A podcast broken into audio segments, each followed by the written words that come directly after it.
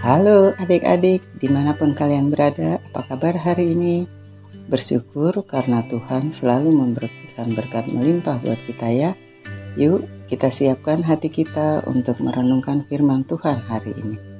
Sebelum membaca firman Tuhan, mari kita berdoa. Tuhan yang Maha Baik, terima kasih karena sampai hari ini kami masih diberi kesempatan untuk membaca, mendengarkan firman-Mu dan renungannya. Dalam nama Tuhan Yesus, amin.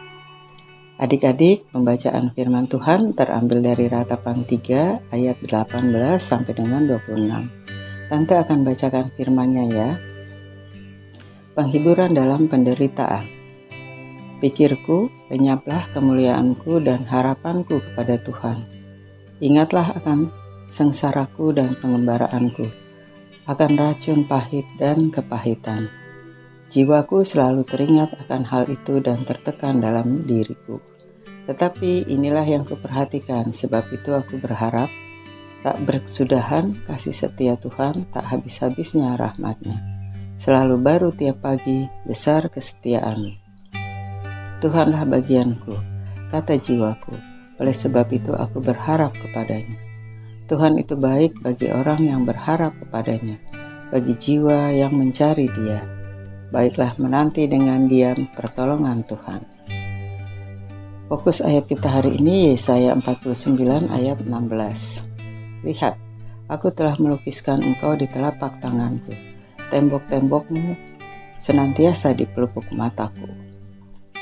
Adik-adik, tema renungan kita hari ini dalam ingatan dan lindungan Tuhan.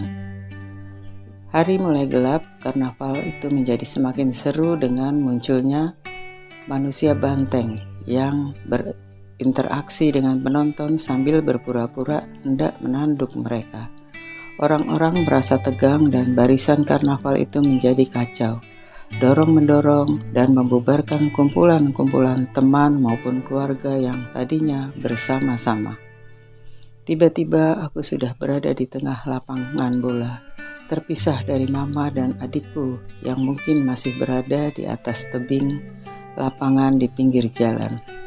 Orang-orang berlarian berseliweran sambil berteriak-teriak dan tertawa-tawa. Aku sebagai anak kecil umur 8 tahun benar-benar panik dan ketakutan. Dalam pandangan yang sangat terbatas hampir nggak punya fokus. Aku takut ditabrak, tergencet, dan bahkan mungkin terinjak-injak mereka. Bayangan bahwa aku pasti hilang dan tak akan ditemukan begitu menghantui Meskipun tidak mengeluarkan air mata, tapi aku menangis cemas dan ketakutan sekali.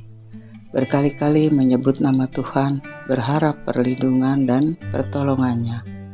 Ketika hari semakin malam dan dalam kebingungan yang semakin memuncak, tiba-tiba seseorang yang sudah tua mengenali dan menggandeng aku. Ternyata beliau adalah Mbah Kromo, teman bapak di kampung kami aku diminta menceritakan kejadian. Dengan ditemukan Bah Kromo, aku bisa pulang kembali ke keluargaku. Aku tidak langsung ketemu ibu, karena ibu ternyata masih berputar-putar di seluruh penjuru stadion mencari aku.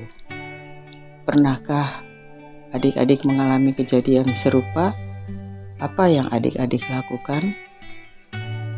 Mari adik-adik kita bertekad mau katakan, di tengah bahaya aku berada dalam perlindungan Tuhan. Sekali lagi, di tengah bahaya aku berada dalam perlindungan Tuhan. Baik adik-adik, mari kita berdoa. Bapa di surga, terima kasih senantiasa melindungi dan menolong kami di setiap persoalan yang ada. Kami tidak merasa khawatir. Terima kasih Tuhan, dalam nama Tuhan Yesus, amin. Adik-adik, kita harus selalu yakin dan percaya bahwa Tuhan selalu melindungi kita dalam setiap permasalahan kita, karena Tuhan itu baik bagi orang-orang yang percaya kepadanya. Kita akhiri renungan hari ini. Sampai jumpa, adik-adik. Tuhan Yesus memberkati.